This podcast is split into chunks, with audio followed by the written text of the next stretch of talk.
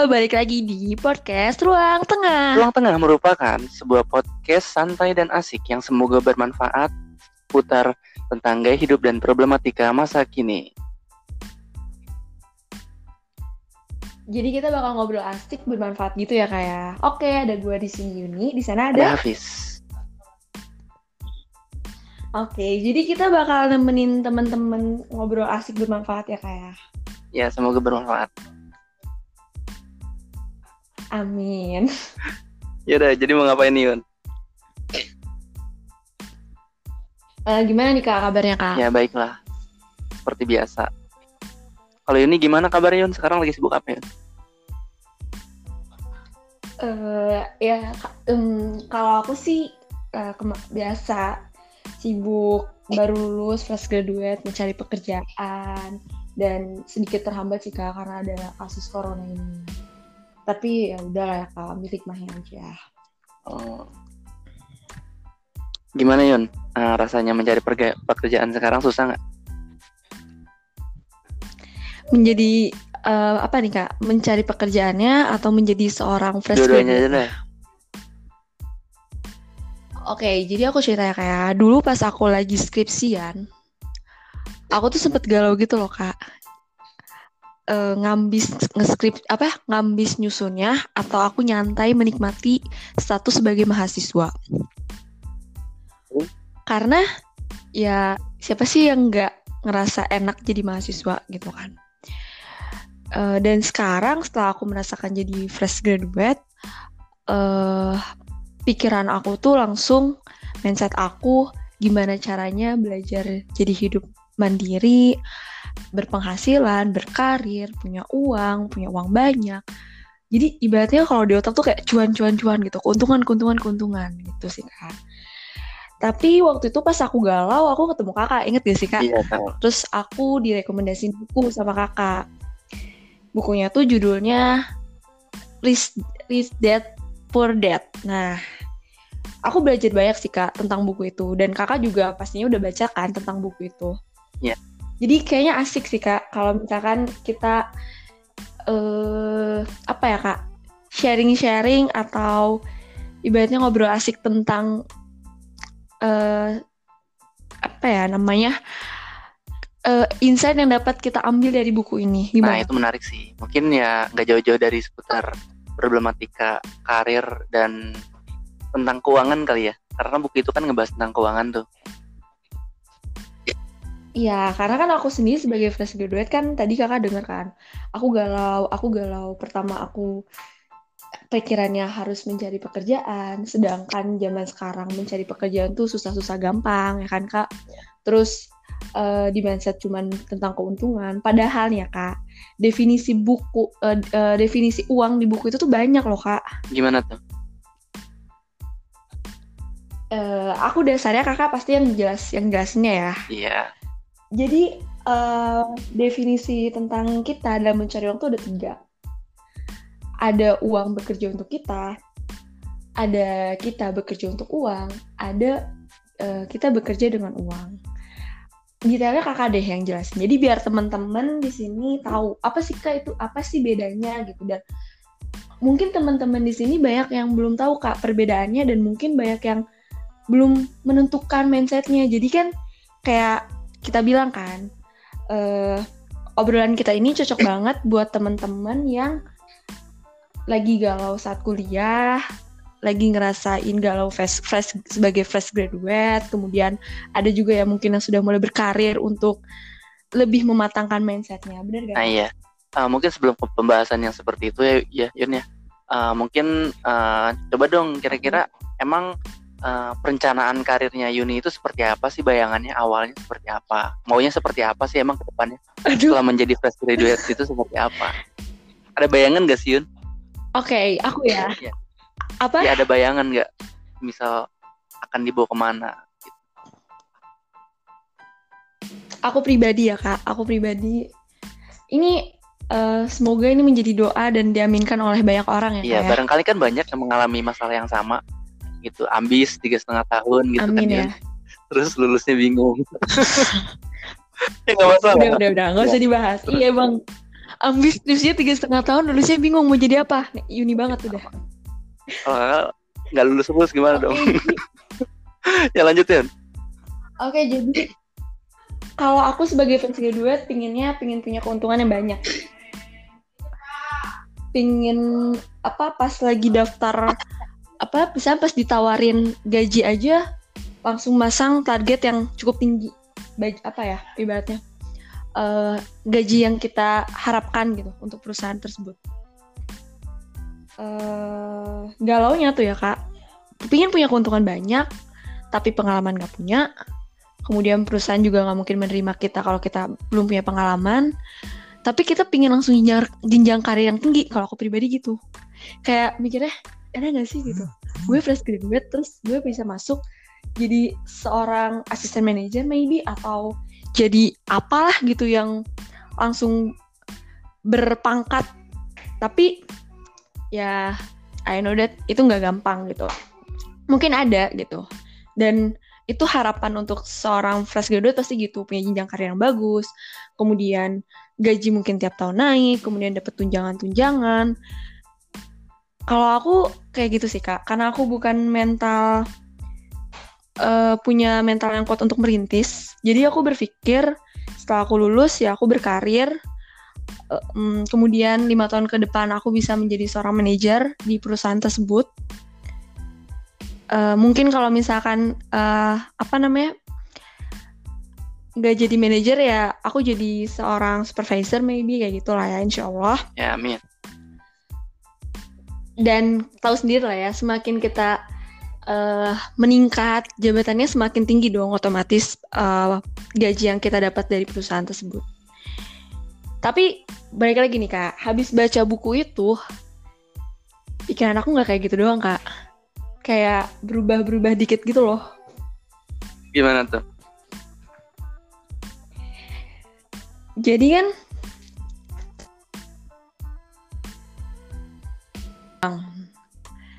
itu diibaratin sama seorang pegawai yang bekerja dari pagi sampai sore dan mungkin di akhir bulan atau di awal bulan akan dikasih gaji oleh perusahaan tempat dia bekerja. Dan aku pribadi nggak mau gitu, sumber hidup aku, aku menjadi seseorang yang terus bekerja untuk uang. Tapi, ada lagi. Uang bekerja untuk kita, mungkin kalau di, diomongin itu gampang ya kayak, ya. tapi sebenarnya uh, aku pribadi salut sih sama orang-orang yang punya pemikiran seperti itu dan apa ya namanya uh, karena merintis dari nol terus tanpa mengharapkan keuntungan dan kelak kesuksesan seperti yang kakak bilang kesuksesan itu bukan dilihat di awal tapi di akhir itu nggak gampang gitu. Terus ada juga yang bekerja dengan uang misalnya dokter arsitek seperti itu kan kak? Gitu sih kak. Ya yeah. uh, lumayan rumit ya. Ya itu mungkin kegalauan ya itulah kegalauan hidup gitu S1 skripsi galau habis lulus habis skripsi galau kerja pasti banyak gitu kegalauan-kegalauan yang akan kita rasakan nah tadi kan uh, Gimana Juni dalam Kak? sudut pandang yang lulusnya cepat tiga setengah tahun, terus uh, memiliki perencanaan karir yang seperti itu ya. Nah, mungkin dari sudut pandang kakak ya, sebagai seseorang yang memilih untuk lulusnya agak lama, berinvestasi dalam organisasi dan selama tiga tiga semester bisa dibilang kakak sempat cuti lah gitu. Nah kalau misalkan orang-orang lihat mah orang-orang awam yang lihatnya kayak uh, mungkin karena nggak passion sama jurusan itu salah satu faktor sih. Terus mungkin karena uh, banyak apalagi ya kalau misalkan pandangan masyarakat umum kan kalau mahasiswa tua yang nggak lulus lulus itu kan kebanyakan memandangnya karena males atau misalkan karena eh, nggak uh, ngerjain hmm. skripsi gitu kan. Tapi sebenarnya yang nggak yang nggak banyak orang tahu itu uh, kakak pun punya perencanaan karir yang sedang kakak bangun secara nggak langsung gitu loh ketika uh, sambil di masih tingkat, tingkat akhir karena dulu tuh kakak pernah kepikiran nggak uh, tahu sih punya cita-cita aja ingin lulus uh, tapi udah punya usaha gitu. Itu walaupun ya sekarang usahanya belum ajak-ajak amat belum apa ya istilahnya tuh belum uh, kuat dan bisa membiayai hidup secara penuh. Tapi seenggaknya uh, dalam eh gimana ya kakak bersyukur sih untuk diluluskan lama karena banyak pembelajaran yang kakak dapat. Kakak belajar bagaimana mengatur diri kakak belajar bagaimana berbisnis yang benar gitu dan banyak hal dan mm-hmm. ada intinya sih kalau misalkan dari sudut pandang kakak kan kalau Yuni tadi perencanaan karirnya ingin menjadi uh, masuk ke sebuah lembaga perusahaan dan menjadi seorang manajer lah ya atau yeah. yang lain. nah kalau kakak sih emang sejak dari awal dulu sih awalnya kepikirannya uh, pengen membangun usahanya nggak kepikiran di bidang digital sih kan kalau sekarang eranya digital startup ya dulu tuh kakak kepikirannya ya usaha biasa yeah. aja apa pun itu yang penting usaha tapi melihat peluang sekarang ya, hmm, kakak ya. jadi berusaha hijrah ke di usaha digital dan emang dari awal tuh kakak berusaha terlepas udah baca buku yang tadi Yuni bahas atau enggak ya emang dari awal pengennya jadi pengusaha dan ketika baca buku itu sebenarnya buku ya. itu tuh udah lama banget sih ada semenjak kakak SMA tuh udah ada kita SMA tuh itu udah ada kayaknya uh, banyak juga yang merekomendasikan tapi nggak tahu baru ngebaca banget kemarin dan alhamdulillah banget sih ngebacanya di umur 23 yang nggak begitu tua-tua banget lah dan tercerahkan cukup tercerahkan iya mem ya. mungkin memperjelas ya yang tadi konsep uh, bagaimana sih uang bekerja itu ada tiga yang tadi Yuni bahas ya kalau misalkan kita bekerja untuk uang itu ibaratnya kita akan banding tulang gimana caranya agar bisa dapat uang gitu loh kalau kita nggak kerja kita nggak dapat uang yeah. gitu kalau misalkan dan parahnya kalau kita nggak kerja juga kita mungkin uh, dikekang karena dikekang sama aturannya kita nggak sebebas itu gitu loh. Ada punishment ada terikat kontrak. Kalau kita nggak menepati iya. kontrak dan tidak kerja itu ada. sanksi tersendiri lah yang membuat hidup kita bisa sengsara. Ada. Nah itu kalau kita bekerja untuk iya, uang. ya, tapi kalau misalkan konsep yang kedua kita ya. bekerja uh, bersama uang gitu. Jadi kasarnya mah kita kerja kita dapat uang kita nggak kerja tuh kita nggak bisa dapat uang gitu. Kayak freelancer arsitektur kan harus ada proyekan gitu. Kalau yang nggak terikat sama sebuah uh, agensi ya. Terus kayak ya banyak lah dokter yang praktek yang kayak gitu. Jadi seperti itu. Tapi kalau misalkan uh, uang bekerja untuk kita tuh konsep yang di mana uh, pernah ngeliat gak sih kayak banyak banget kan selebritis yang kayak kok dia tuh uh, asalnya jalan-jalan mulu tapi uangnya ada aja gitu Nah, itu mereka ya. itu adalah iya, tokoh-tokoh yang sudah bisa uh, membuat uang bekerja untuk mereka. Kayak Hotman Paris jalan-jalan mulu gitu kan. Nah, mungkin konsepnya adalah yang nggak orang iya. tahu, yang nggak orang tahu adalah ketika dia bekerja dapat uang banyak, uh, mereka nggak begitu spend ke gaya hidup awalnya ya. Mereka spendnya adalah ke uh, investasi atau aset yang sehingga ketika mereka berpergian pun entah asetnya berupa usaha dia atau misalkan berupa uh, apa ya kasarnya kayak reksadana dan lain-lain itu kan tetap berjalan gitu loh. Dan lumayan banget itu investasi itu uh, kalau misalkan biasanya returnnya kan lumayan. Dalam artian 0, sekian persen tapi kalau misalkan dari 1 M atau 1 T itu kan bisa membiayai hidup gitu kan. Lumayan gede banget gitu. Jadi uh, konsep bagaimana caranya kalau dalam kata Robert Kiyosaki mah puncak untuk mencapai uh, kesejahteraan finansial itu ya di fase di mana kita bisa mempekerjakan uang. Atau dalam artian kita punya usaha tapi kita ibarat kata nih kayak misalkan uh, kakak punya usaha di Bandung. Terus kakak pulang ke rumah yang di Serang kakak tuh dapat tetap dapat uang tanpa kakak harus stay di tempat usaha kakak di Bandung. Dalam artian, kalau kita punya usaha ya. tapi kita masih capek ngelolanya, itu kita belum mempekerjakan uang. Tapi ketika kita punya usaha, kita punya manajemennya, dan kita ke mana-mana juga tetap ada uangnya. Nah itu bagaimana uh, uang bisa bekerja untuk kita gitu loh konsepnya. Nah, terus insight seru ya, Kak, ya? kira-kira insight apa lagi nih yang Yuni dapat dari buku itu? apa ya kayak ini sih kak Eh, jadi di buku itu si tokoh yang namanya Robert ya Robert tuh pingin banget naik gaji jadi dia menuntut kepada bosnya bosnya tuh kayak gue udah kerja selama ini gue udah kerja se apa ya namanya se effort ini dan ibaratnya sudah bekerja secara baik gitu. Tapi dia nggak naik gaji. Terus respon si bosnya cuman ketawa dan bilang sudah biasa. Sudah gak aneh pegawai meminta gaji seperti itu kan. Dan si bosnya ini bukannya bilang oke saya akan naikkan gaji tapi ya dia cuman kayak eh, ketawa dan bikin Robert juga bingung gitu. Ini bos kok nggak bisa ngerti banget pegawainya gitu kan. Ini gue lagi dibabuin atau gimana gitu kan.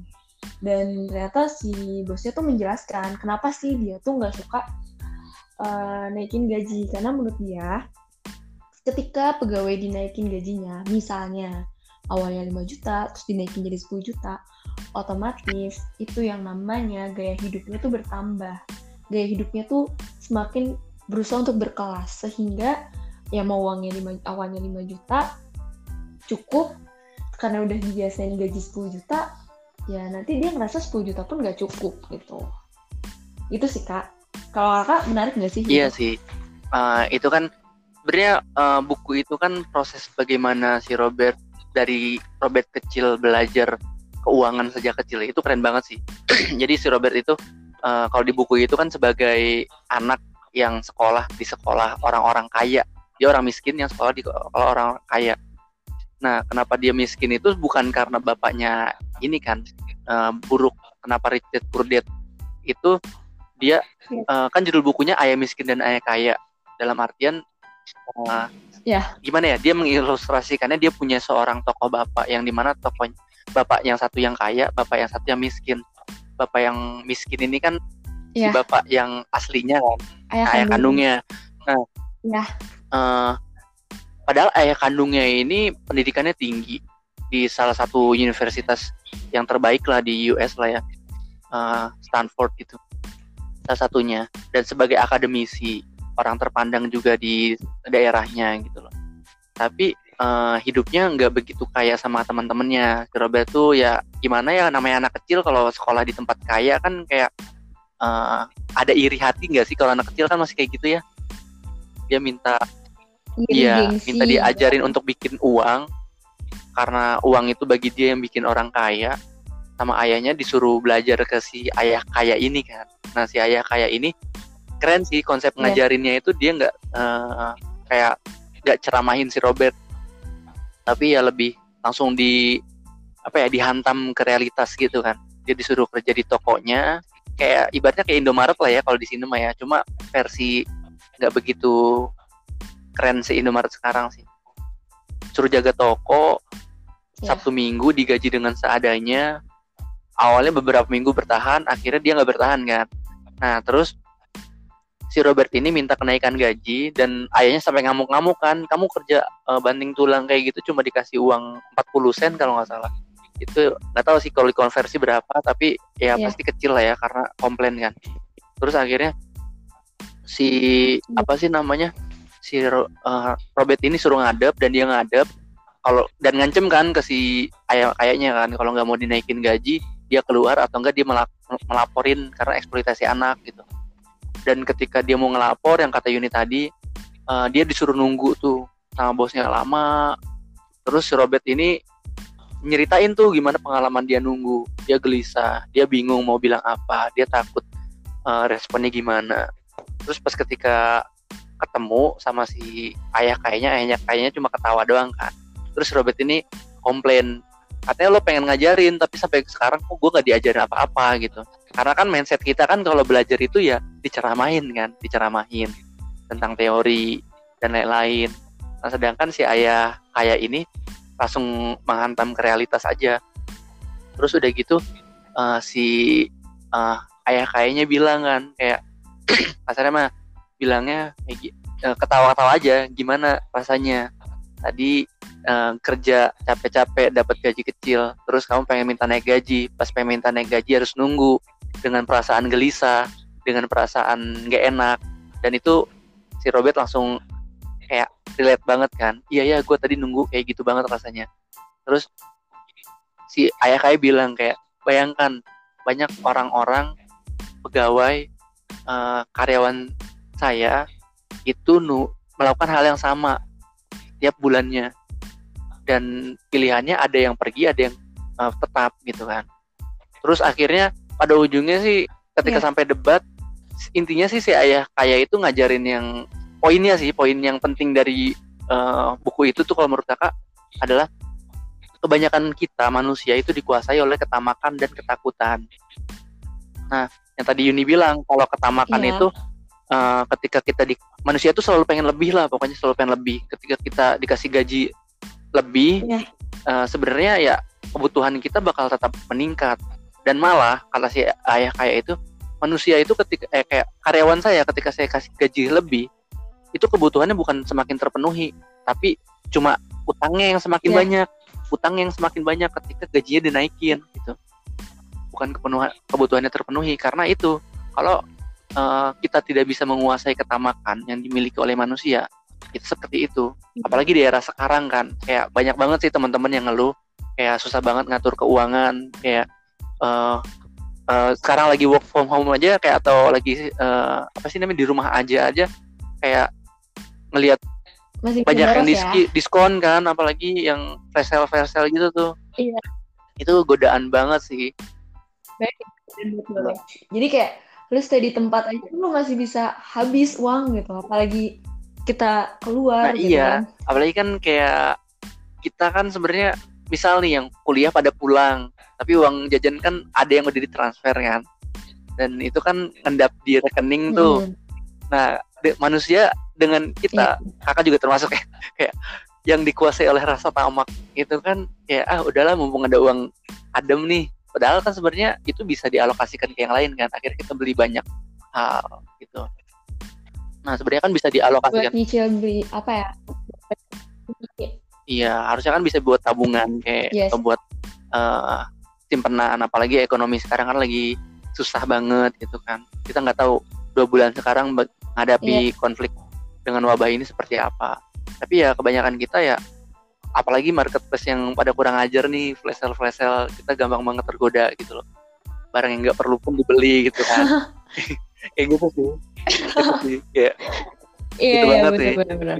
jadi kayak sebagai milenial tuh gajinya cepet banget habis ya. Maksudnya kayak sekarang tuh penting banget menggaungkan hidup minimalis tuh penting ya, nah, iya. karena ya sebagai milenial tuh uh, gimana ya, ya seperti kita lah gitu kan, gampang banget buat uh, mungkin berbelanja yang belum tentu penting gitu kan. Terus uh, belum lagi sekarang sosial media itu semakin marak dan kadang tuh justru menambah rasa apa ya mungkin karena manusia itu tamak kan kak kayak gengsinya iya, jadi menambah. pada berlomba kalau sekarang jadi kompetisi Atau... gitu loh Yun nah iya bener banget padahal kan hidup tuh bukan untuk kompetisi ya iya. kayak ya. jadi udah mah dari sifat bawaan kita punya ketamakan terus adanya sosial media itu bikin kita yang tadinya ketamakan tuh cuma dipamerinnya gimana ya kayak cuma ke tetangga sebelah gitu kan kayak kalau dulu dulu yeah. kalau dulu mah orang-orang tua kita kan dulu memamerkan ketamakan itu dengan tau gak sih kayak masang gelang seabrek-abrek ibu-ibu pengajian tuh kayak cincinnya di, ya. di lima jari gitu kan. Kalau sekarang kan uh, semakin mudah untuk pamer itu kan orang semakin nggak cuma yang punya uang doang gitu loh Yun, yang bisa pamer sekarang orang-orang ya. yang nggak punya uang pun bisa pura-pura untuk punya gitu loh dan dipamerkan di sosial media ya. gitu. Untuk meningkatkan apa namanya untuk meninggikan gaya hidup ya, misalnya dengan kredit lah, memperbanyak hutang, kan iya. Sih itu sih. Jadi itu sih ketamakan. Dan sekarang kan uh, pantas kan kayak isunya milenials itu susah punya rumah gitu. karena ya itu kita susah untuk nabung untuk susah untuk spend uang. Dan maunya ya kalau punya uang dipakai buat senang-senang jalan-jalan lah. Makanya banyak di milenial juga disebut sebagai kaum nomaden ya kan. Waduh. Kayak gitu tuh. Oke. okay berarti kan tadi kita bahas nih kaum milenial susah mengatur uang. Nah, menurut kakak sendiri gimana sih harusnya kita sebagai kaum milenial dalam mengatur uang tuh gimana sih kak? Nah sebenarnya kakak juga masih belajar sih. Buku kakak kemarin tuh baca buku itu tuh ingin mencari solusi atas ke apa ya keruwetan untuk mengatur uang karena susah banget ya. Kayak uh, karena kita bukan hebat ya, makanya merujuknya lewat buku ya kak. Iya, jadi kayak sebenarnya uh, kakak baca buku tuh gimana ya kakak baca tuh apa yang kakak butuhin gitu loh. Jadi kakak belum yeah. bisa baca untuk hal-hal yang kayak uh, gimana ya kayak nonton TV ngisi ke ngisi hiburan. Dengan kan kalau orang dulu kan ngisi hiburan dengan novel kan novel-novel cerita kan karena yeah. nggak ada visual. Nah kakak tuh tapi novel tetap eksis sampai sekarang. Tapi ya kakak belum bisa sampai tahap uh, membaca buku untuk hiburan aja gitu. Karena untuk terapi diri sendiri kira-kira apa yang harus dipelajari. Dan keuangan ini konflik yang sangat rumit sih. Awalnya tuh sebelum kakak ke sana tuh karena kan masalahnya adalah kayak suka beli barang yang nggak penting ya. Suka beli barang yang nggak penting. Yeah. dan nggak bisa banget untuk yeah. nah, susah banget untuk nahan uang. Dan kayak boros lah pokoknya. Makan pun ya suka uh, boros. ngemilnya banyak teman-teman gitu. juga deh. Iya mungkin banyak lah ya. Teman-teman juga teman-teman di iya, sini yeah, yang punya masalah kayak gitu. Nah, ya teman-teman kayak, "Hei, gue juga." gitu kan. Ya gimana nih teman-teman? nah, terus uh, awalnya tuh kan kakak tuh belajarnya dari ini. Awalnya explore tuh kan uh, Raditya Dika dan lain-lain influencer, beberapa influencer ada yang menggaungkan hidup minimalis lah ya. Awalnya kakak kira, ah ini nih kayaknya solusi untuk gue banget nih. Terus kakak juga belajar hmm. tentang hidup minimalis dan langsung men menerapkan juga sih. Menerapkan. Jadi uh, kayak lucunya tuh kan sebenarnya kakak tuh kemarin kemarin itu kan uh, kakak belajar hidup minimalis dari bukunya Fumio Sasaki ya. Nah itu tuh buku yeah. temen sebenarnya. Cuma temen itu uh, jadi misal nih teman kakak si A yang punya bukunya. Terus kakak punya teman si B si B ini minjem ke si A. Kakak tuh minjem buku si A ya, pokoknya si itu bukan kakak lah ya. Iya. Nah si B ini abis baca buku okay. itu tuh kayak lucunya si B ini abis hmm. baca buku itu itu dia langsung gimana ya ngontek kakak gitu loh. Bis gue ada banyak barang nih yang pengen gue buang gitu. Lo mau nggak? Kalau oh. mau gue buang. Itu banyak banget Yun. Dan barangnya tuh kayak kayak apa ya kayak apa sih namanya action cam. Apa? action cam terus kayak uh, bukan barang-barang yang ecek gitu loh. Iya bukan barang ecek-ecek gitu. Terus kakak tuh bingung katanya. Kakak tuh nanya kan lu lu lagi kenapa kayak gini? gitu. Lu kenapa? gitu kan. Iya. Yeah. gue pusing nih gue habis baca buku ini katanya. Gila sekarang tuh kayak mikir anjir kayak ini buku ngeri ngeri juga ya. Sekarang penasaran nggak kakak baca? Dan itu Terus beneran setelah baca buku itu langsung kayak gitu dong. Kayak pengen ngebuang kayak pengen ngebuang banyak barang yang kita punya gitu loh jadi intinya sih oh yang kata-kata yang barang elektronik itu bisa rusak jadi bukan investasi nah kalau itu ya maksudnya kalau itu konsep dari bukunya yang Robert Kiyosaki sih kalau ini beda lagi kayak uh, jadi hidup minimalis itu okay. kalau menurut kakak ya simpel sih kayak uh, pengertiannya simpel simpel ini loh kayak kita misalkan uh, lagi ngerencanain anggaran nih anggaran untuk kepanitiaan atau anggaran untuk apalah ya uh, sesimpel hmm. kayak pengen belanja uh, untuk alat-alat kelas gitulah kan kita suka bilang kan beli berapa aja deh minimal dua gitu. Minimal tiga gitu kan. Nah kalau orang hmm. hidup minimalis acuannya adalah minimal. Misalkan minimal lima tiga itu kurang kan. Sepuluh itu maksimal yeah. gitu. Jadi nggak yeah. kurang nggak lebih. Jadi minimal ada di minimalnya gitu loh Nah, itu pun yeah. uh, dalam kehidupan kita sehari-hari. Kayak misalkan kita punya baju nih, kira-kira dalam seminggu kita harus punya minimal berapa ya? Itu yang bisa kita pakai untuk yeah. mencukupi kebutuhan kita seminggu itu aja. Gak usah lebih-lebih gitu loh. Nah, orang yang menganut minimalis itu dia tuh uh, cukup untuk memenuhi minimal kebutuhannya aja, nggak lebih gitu. Dan nggak kurang. Bukan berarti kita hidup minimalis itu kita harus kurang. Kayak ya udah baju seminggu cuma dua gitu kan. Itu kan kayak ekstrim banget kan Terus tapi kan, berapa? Ya. kan dikurangin juga bukan ya kayak apa? Kan minimalis porsi makannya dikurangin gitu. Nah mak itu juga sama. minimalis itu lebih ke ke mindset juga sih. Sama juga kayak makan. Kayak makan nih kayak kita tuh salah sehari atau sekali makan itu minimal porsinya berapa? Gitu. Minimal uang yang kita spend untuk sarapan tuh berapa bisanya? Kan kalau kita kan biasanya ya udahlah pengen makan siang yang enak nih agak mahal dua puluh lima ribu gitu kan. Nah kalau minimalis gue iya. sepuluh ribu juga bisa kenyang kok gitu minimal gue sepuluh iya ribu bisa makan lah ya udah gue yang minimal aja ngambil yang minimal aja gitu nah itu sih kalau jadi ke... maksudnya kayak mindset ya berarti balik lagi ke mindset kayak iya. minimalis yeah. tuh ada orang yang bilang dua puluh lima ribu itu murah ada orang yang bilang dua puluh lima ribu itu susah ya balik lagi ke mindset gitu kan nah, dan iya. orang yang hidup minimalis itu dia selalu menganggap yang minimal itu cukup bagi dia benar gak kak? Nah tapi iya sih kalau misalkan Apa di sebenarnya gimana ya kalau dalam konsep itu kan kalau dalam ajaran agama ya kakak sebagai Islam gitu kan kita suka diajarin juga kan kayak tidak untuk berboros-boros. Nah kayak ya. kak konsep minimal ini uh, relate sih relate. Relate banget ya. Ya dengan konsep untuk kita gimana cara nggak boros dan itu uh, ngaruh ke keuangan juga sih Yun. Jadi kata dia semakin okay, kita menumpuk barang itu semakin banyak effort atau attention perhatian yang harus kita berikan ke barang-barang kita. Dan itu yang kadang membuat hidup kita stres dan lelah gampang lelah gitu. Oh gitu. Berarti oke okay, kak. Uh, dari buku tadi uh, kakak bisa dapat insight itu. Nah sekarang aku mau nanya nih kak. Jadi tahapan apa sih kak uh, sebagai pemula seseorang yang mau memulai hidup minimalis gitu? Nah sebenarnya kalau dalam buku itu sih ya uh, dalam banyak sih dia ngasih tips-tips semua yang kakak ingat aja yang dan kakak terapin ya. Uh, kakak okay. termasuk orang yang kayak gimana ya ya? Kayak agak uh, gimana ya suka emosional dengan barang gitu loh. Itu jadi masalah juga. Misal kayak kakak numpuk berkas berkas-berkas semester 1 yang kakak rasa wah ini kenangan perjuangan gue nih gitu loh. Yang pengen suatu saat dikenang seperti itu. Tapi kata dia ya intinya sih kita berdamai dengan barang kita. Dalam artian berdamai. Kata dia kita ngebuang itu uh, butuh latihan sebenarnya. Ngebuang itu kayak skill. Kayak skill mengontrol emosi skill untuk berpikir kritis. Ngebuang barang juga sebenarnya hmm. skill. Hmm. jadi harus dilatih gitu ya.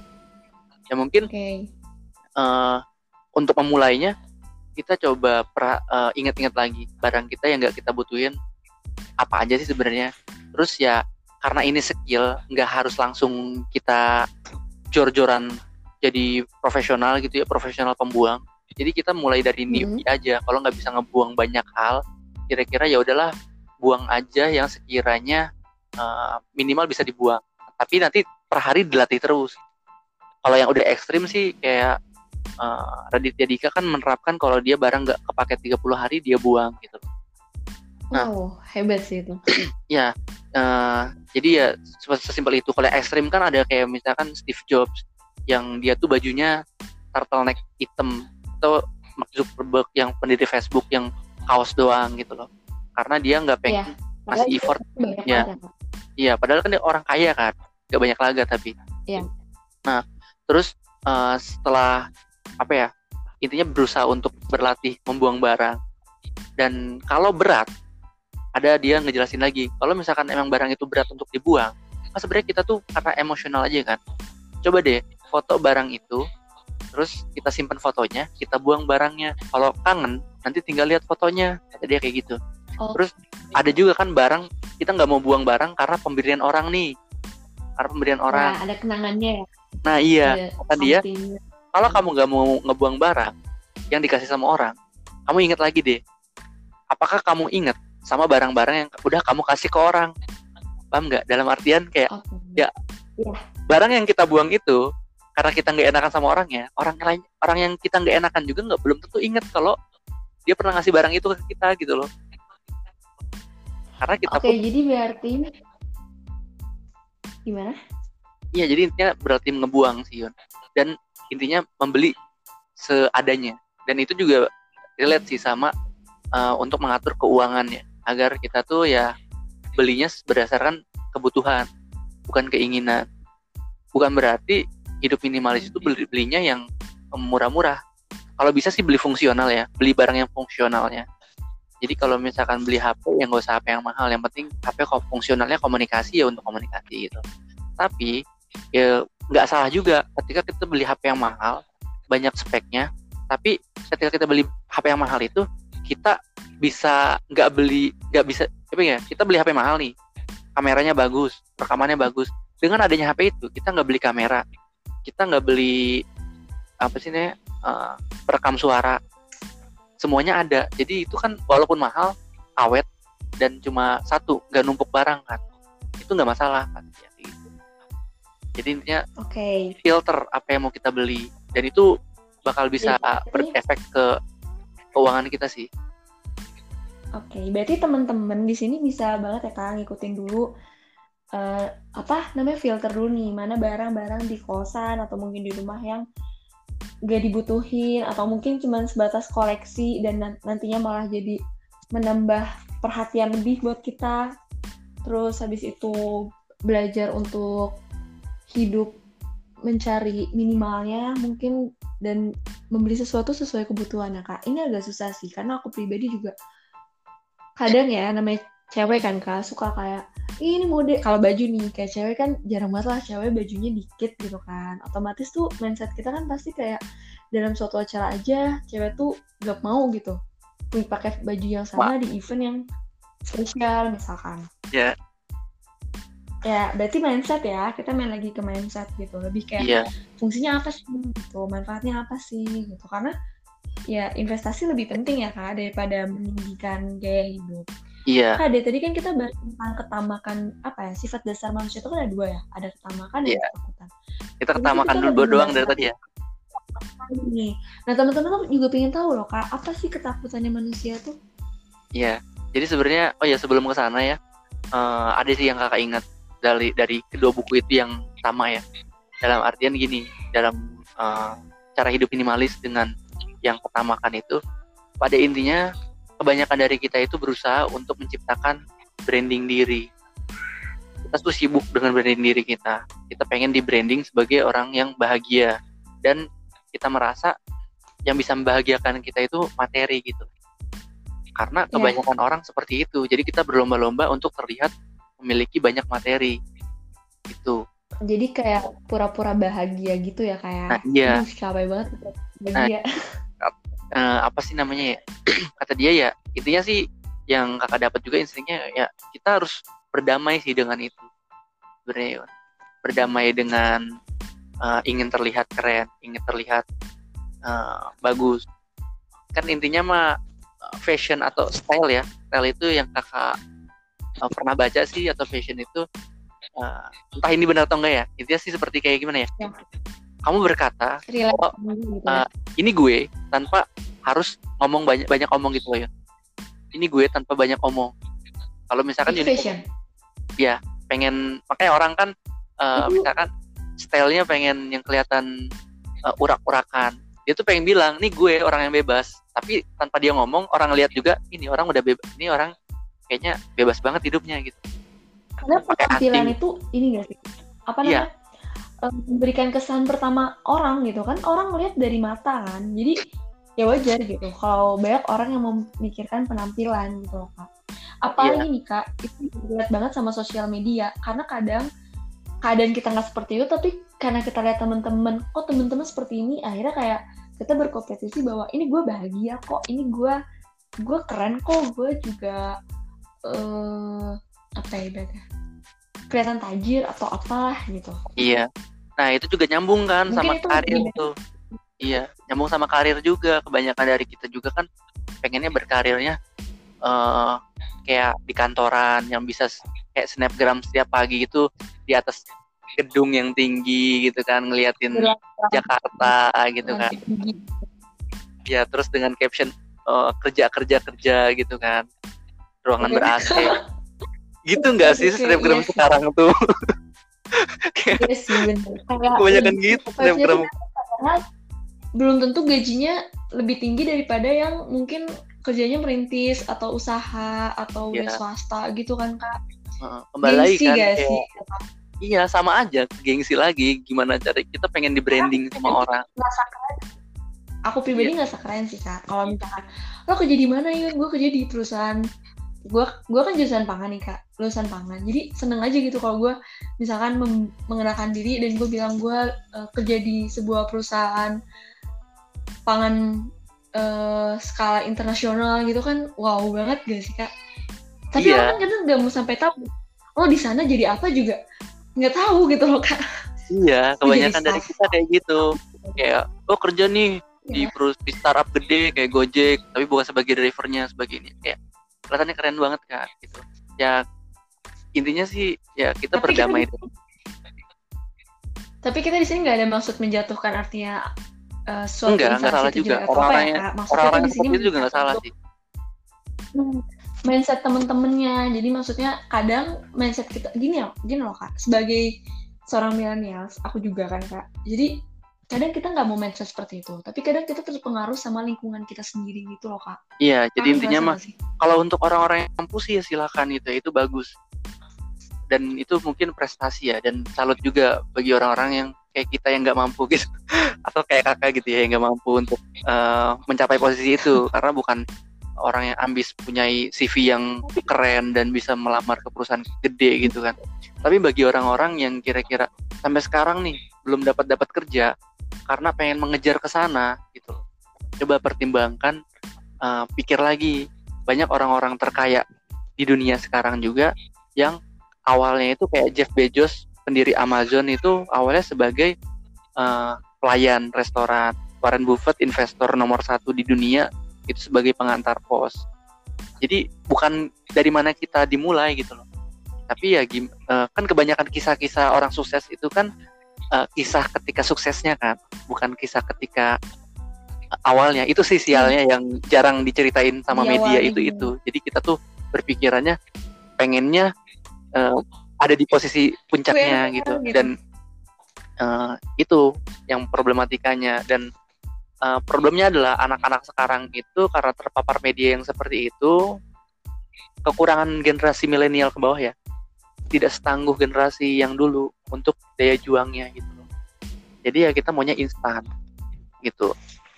Nah, itu sih kalau iya sih karena kita banyak makan Iya. juga. jadi ya intinya kita harus berdamai dengan gengsi lah, berdamai dengan gengsi, berdamai dengan personal branding kita yang mati-matian kita perjuangkan ingin terlihat seperti orang makmur, orang kaya, orang apalah gitu.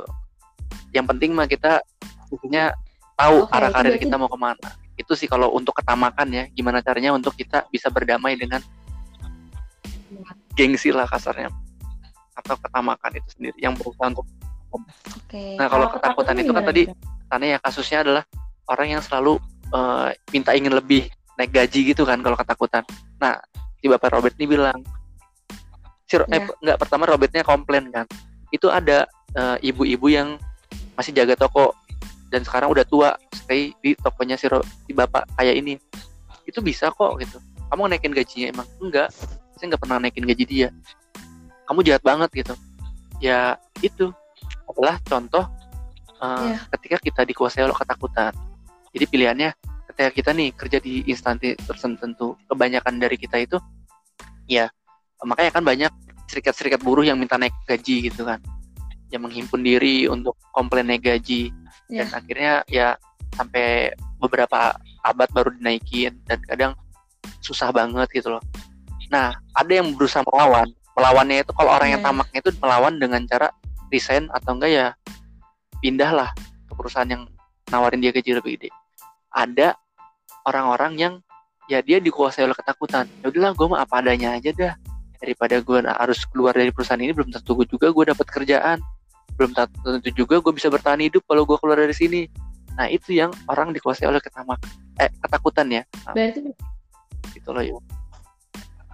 berarti gambarnya yang tamak tuh dia berharap untuk naikin gaji, kemudian eh, nanti gaya hidup dia semakin meningkat karena gengsi dia juga semakin besar. Terus kemudian kalau yang ketakutan tuh dia lebih takut ibaratnya gak apa-apa deh gue gaji segini daripada gue gak makan Iya, gitu. Jadi nggak berani lagi, keluar dari nggak comfort zone gitu loh. Sebenarnya kalau misalkan eh, kayak banyak tokoh-tokoh keren dunia ya, yang dia tuh udah bisa mengelewatin ketamakan dan ketakutannya gitu. Iya. Kayak Mark Zuckerberg, founder dari? Facebook, Hmm.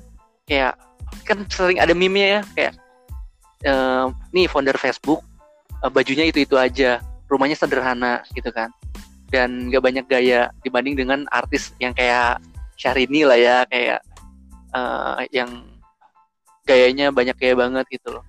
Nah nah salah satunya si si Mark Zuckerberg. Terus si Mark Zuckerberg juga kalau dia takut Yun kalau misalkan dia dikuasai oleh ketakutan dia kan sebenarnya drop out kan dari Harvard kan. Nah kalau dia kalau takut kan kalau orang yang takut mah kayak aduh gue kalau keluar dari Harvard gue nggak punya masa depan nih gitu. Tapi dia berani kan untuk keluar dari sana kayak Bill Gates juga kan keluar dari Harvard. Nah terus kayak Jeff Bezos itu dulu ketika yeah. pengen mendirikan Amazon dia sempat curhat ke bosnya. Dia udah dapat posisi keren terus dia curhat gue pengen bikin nih uh, usaha ngejual buku dari internet. Si bosnya bilang katanya mungkin ini dia yang keren tapi bukan untuk kamu yang sudah memiliki posisi baik nih di perusahaan ini. Nah, tapi Jeff Bezos eh, nggak uh, peduliin kan kata walaupun dia berpikir sama dua hari akhirnya dia uh, berani. Kan itu sebuah ancaman kan kayak kasarnya gini loh kayak lo yakin lo keluar dari sini usaha lo bakal gede. Kalau nggak gede lo nyesel karena lo udah dapat posisi bagus di sini. Tapi lo keluar gitu loh. Gitu loh. Jadi iya oke okay, okay. uh, jadi gini nih kak. Kita lurusin dulu ya ke teman-teman. Barusan tuh nyebut Syahrini atau tokoh itu sebenarnya kayak pilihan gaya hidup gak sih kak? Maksudnya mungkin maksud kakak tuh ada yang glamor yeah. ya kan dengan gaya hidup seperti itu, ada yang mungkin jadi dengan glamornya itu orang udah bisa melihat dia dari kejauhan bahwa dia adalah orang berada. Adapun orang yang lebih memilih hidup sederhana dan mungkin jadinya orang tuh nggak tahu nah, iya. itu siapa. Dan nggak ada yang salah ya kak.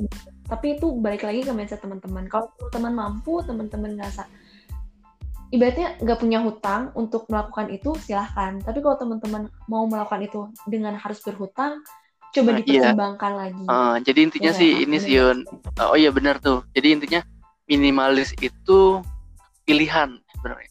Minimalis itu pilihan.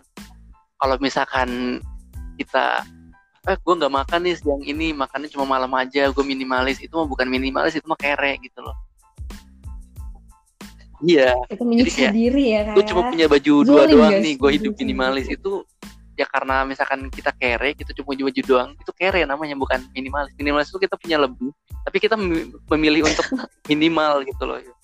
Nah terus juga uh, yang tadi ya ini ya, uh, yang dibahasnya itu kebanyakan dari kita itu kan beli barang dan barang itu kalau kata si Robert mah atau dalam sudut pandang si Robert itu sebagai liabilitas. Liabilitas itu dalam artian barang yang harus kita rawat yang butuh kos untuk ngerawatnya atau pengeluaran biaya perawatan lah atau ada biaya penyusutan kalau misalkan orang-orang yang belajar uh, kelayakan bisnis mah ya nah jarang dari kita beli aset Yun. jadi dan dia juga bilang orang yang beli rumah itu kan banyak hmm. orang berpandangan uh, beli rumah itu investasi ya tapi kalau tadi ya itu liabilitas karena ketika kita beli ya. rumah atau villa nih harus ada yang kita gaji orang yang uh, ngurus villanya kita berharap dijual lima tahun ke depan itu dapat harga yang lebih gede kan. Tapi padahalnya kalau dia uh, hitung Belum biaya urus lima tahun itu ya mungkin ya nggak ada untungnya bagi dia bahkan rugi ketika dijual lima tahun ke depan. Jadi kata dia bilang kayak gitu sih. Jadi kata dia konsepnya adalah ketika kita mengatur keuangan yang jadi gimana ya ngebuka mata itu ya ketika kita punya uang daripada beli barang yang bersifat liabilitas, beli yang aset dalam artian uh, bisa kita hidup makmur.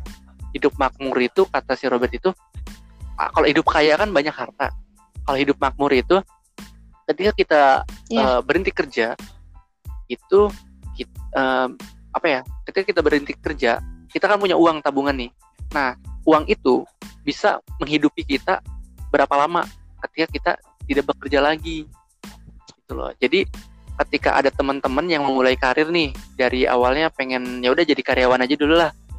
Nah tapi ketika teman-teman punya mindset untuk depannya tidak bekerja untuk selalu bekerja untuk uang gimana caranya ketika teman-teman masih sanggup untuk bekerja yeah. usia produktif lah ya juga menabung aset. Sehingga kan kalau kayak Raditya Dika kan eh, dia berencananya pensiun di usia 35 atau 40 gitu kan emang gak enak kan kalau kerja terus seumur hidup gitu loh. Jadi okay. uh, eh, gimana caranya kita tuh berpikir untuk bisa hidup makmur gitu. Semakin kita cepat pensiun itu kan semakin bisa kita menikmati hidup kan. Ketika kita meninggal kita tidak meninggalkan hutang tapi meninggalkan Iya. warisan.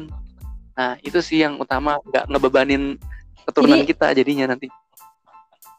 Jadi maksudnya jadi maksudnya tuh nggak mikirin cuman berkarir berkarir gitu kan, tapi berkarir terus menambah aset aset aset yang jatuhnya malah jadi eh apa ya namanya kak? Ya, Jadi istilahnya apa kak? Iya yang Kalau investasi lah kasarnya mah investasi yang bisa menghidupkan kita ketika kita sudah Ya. tidak bekerja lagi. Jadi jangan sampai ya jadi maksudnya jangan sampai kita berpikir karir tapi kita lupa gimana nanti saat kita pensiun. Ya walaupun ya emang sih kebanyakan orang kan mikir ya udah kan itu udah itu gimana nanti tapi jangan sampai juga kita ngelupain eh, masa depan atau eh, masa tua Iya, jadi nanti intinya ya, mah- kayak. Simpelnya sih gini sih Yun. Jadi ya eh, ketika kita tua, ketika kita meninggal lah ya, jangan sampai walaupun ya nggak tahu kita bakal sampai tua atau enggak ya. Semoga aja bisa dihidupkan sampai tua. Eh, semoga ketika meninggal itu Amin. Kita tuh tidak meninggalkan hutang karena kan kasihan banget ya ke- keturunan kita kan tapi meninggalkan banyak warisan. Dan itu kan keren banget kalau meninggalkan ba- banyak Iya dan dan utang juga kan sebenarnya bukan perihal urusan di dunia aja kan kalau nggak Nah, selesai iya. ya juga di akhirat gitu kan.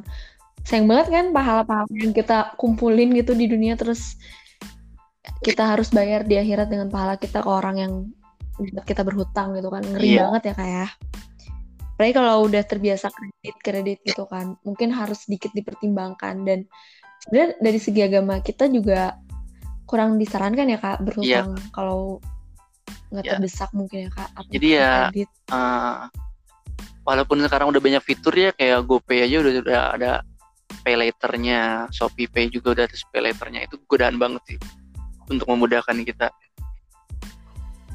godaan di era era ini ya Iya. era-era serba dipermudah semuanya untuk ya. berhutang pun dipermudah sekarang. Banyak juga digital digital yang kayak aku laku dan lain-lain ya. Disebut merek banget. Nah ini seperti itu sih jadi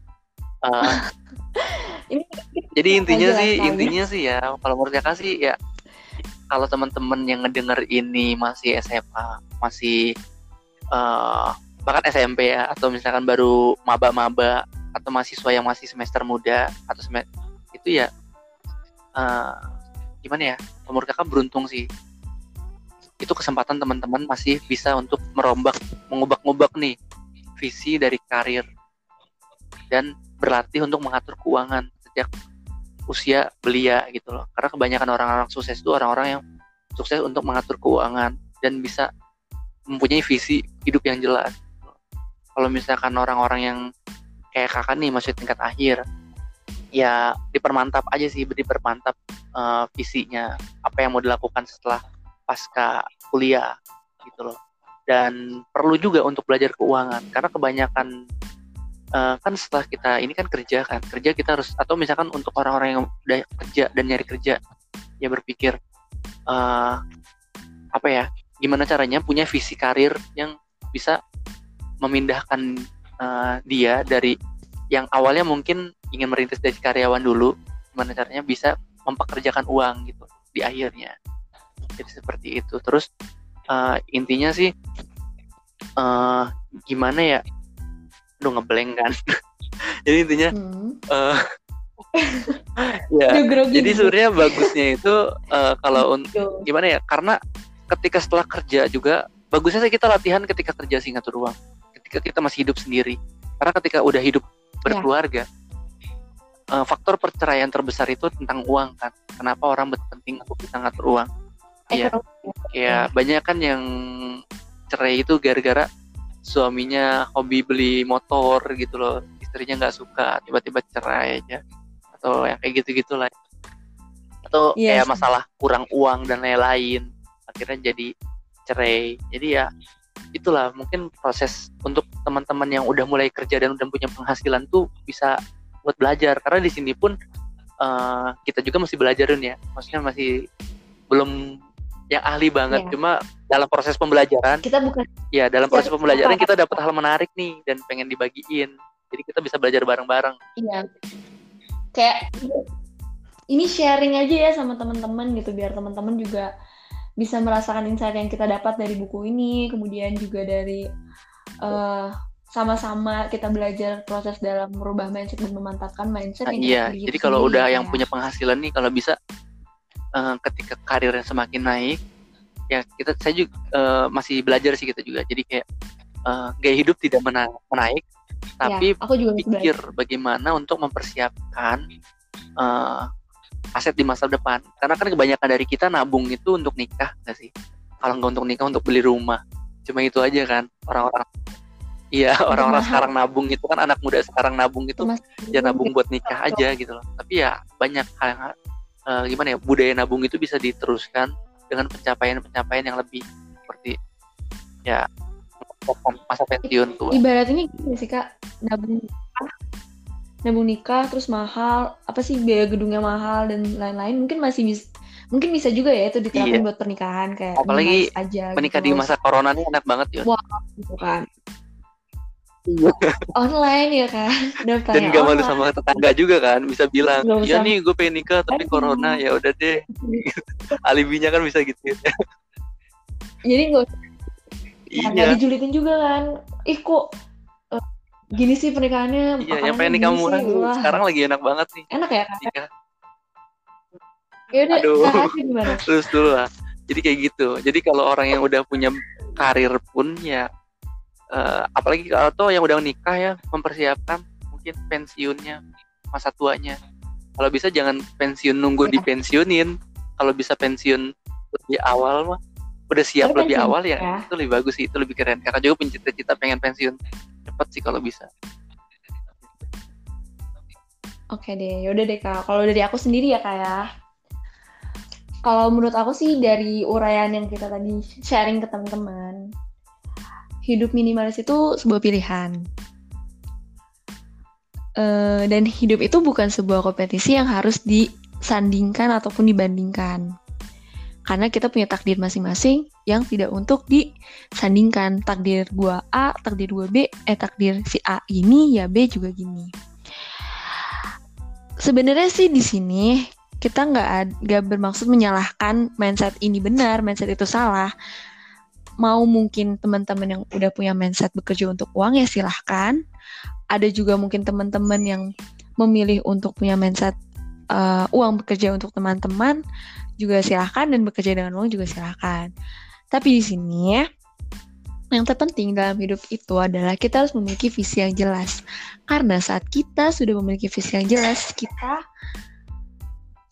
mempunyai saat kita sudah memiliki visi yang jelas, kita sudah kita akan memiliki misi-misi untuk mewujudkan visi tersebut gitu loh kak. Karena kan kalau di organisasi juga ada visi ada misi kan kak. Jadi otomatis kalau kita udah punya visi nih ya kita punya misinya dong. Apa sih yang harus kita lakuin? Kayak gitu sih kak. Dan ya udah itu jangan ya semua itu pilihan. Ya itu sih kak. Oh iya kak. Btw kita ini ya uh, bikinnya juga pakai penerapan physical distancing kan kak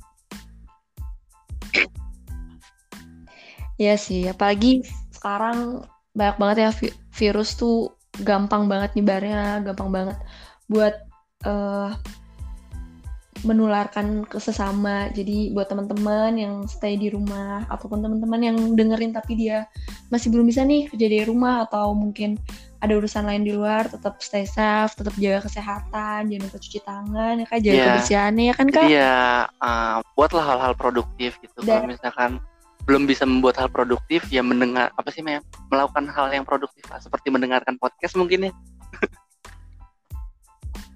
Iya, bener kan podcast yeah. kita ini kan ngobrol intinya asik, sih, bermanfaat. Uh, Gimana Selain yang ini paparin tadi, intinya ya uh, untuk karir visi hidup itu seperti ini kali ya, kata tambahan aja. Visi hidup, visi karir atau visi hidup itu seperti kompas, misi itu sebagai navigatornya gitu loh. Dan kita itu lagi mengarungi uh, lautan okay, kehidupan ya. yang masa depan itu kan kita buyar banget kan, nggak bisa kita lihat sedangkan hal yang udah kita lewatin itu ya udah itu mau bisa diapain lagi nah dan yang bisa kita lakukan adalah bagaimana caranya memilih pilihan-pilihan terbaik pada hari ini karena kalau kata Jeff Bezos sih uh, hidup kita hari ini adalah pilihan-pilihan kita di masa lalu yang gitu loh. sekarang. Uh, jadi intinya kenapa perlunya Oke. harus punya visi tentang hidup. Tapi visinya nggak ngawang banget ya. Kalau saran sih yang konkret gitu loh, yang kira-kira kamu bisa menca- mencapainya. Kalau bisa itu sih. Nah, uh, agar Mungkin dilatih dengan lima Iya, tahun ke depan jadi agar apa kayak gitu ya ketika kayak. kita mengarungi lautan kehidupan ini, kita punya kompas yang mau kita bawa, mau ke mana nih arah dari kapal hidup kita ini mau dibawa ke mana gitu kan. Nanti seiring berjalannya waktu kita uh, ketemu sama kapal yang lain membentuk sebuah nakoda yang lebih besar atau keluarga lah ya. Nanti keluarga itu juga dibawa dengan visi kita mau dibawa ke mana. Itu sih pentingnya sih untuk memikirkan visi dari sekarang termasuk dalam karir. Nggak masalah karir awal kita itu sebagai apa. Tapi dengan catatan karir awal itu walaupun sepele dan walaupun itu nggak ada keren-kerennya tapi bisa menunjang visi kita di masa depan. Jadi seperti itu sih Yun. Banyak juga teman-teman kakak yang jadi yang orang-orang keren padahal dia punya pilihan untuk bisa berkarir lebih bagus tapi ya dia memilih cerita dia memilih mem- waktu awalnya tuh pas ketika lulus uh, dia cerita dia memilih jadi sales tukang jualan karena dia punya skill tapi nggak bisa ngejual skillnya gitu loh. Dan skillnya keren banget. Skillnya tuh mahal gitu. Tapi ya karena dia pengen jadi pengusaha dia latihan untuk jualan. Kayak gitulah simpelnya. Pengalaman dan menambah soft skill ya kak mungkin ya. Jadi sebenarnya balik lagi ya bener ya hidup itu pilihan terserah teman-teman dan untuk teman-teman mungkin yang eh ngerasa pekerjaannya sekarang nggak keren jangan khawatir. Ini bukan akhir karena kesuksesan dilihat dari akhir ya kayak. Nggak kerasa nih kak kita udah Iya. satu jam loh nemenin teman-teman. Em, Eh, Oke, dan gue Hafiz gue Yuni. Oke, eh, sampai jumpa teman-teman. Semoga teman-teman yang dengerin bisa eh, dapetin eh, hal-hal Iya. positifnya ya kak ya.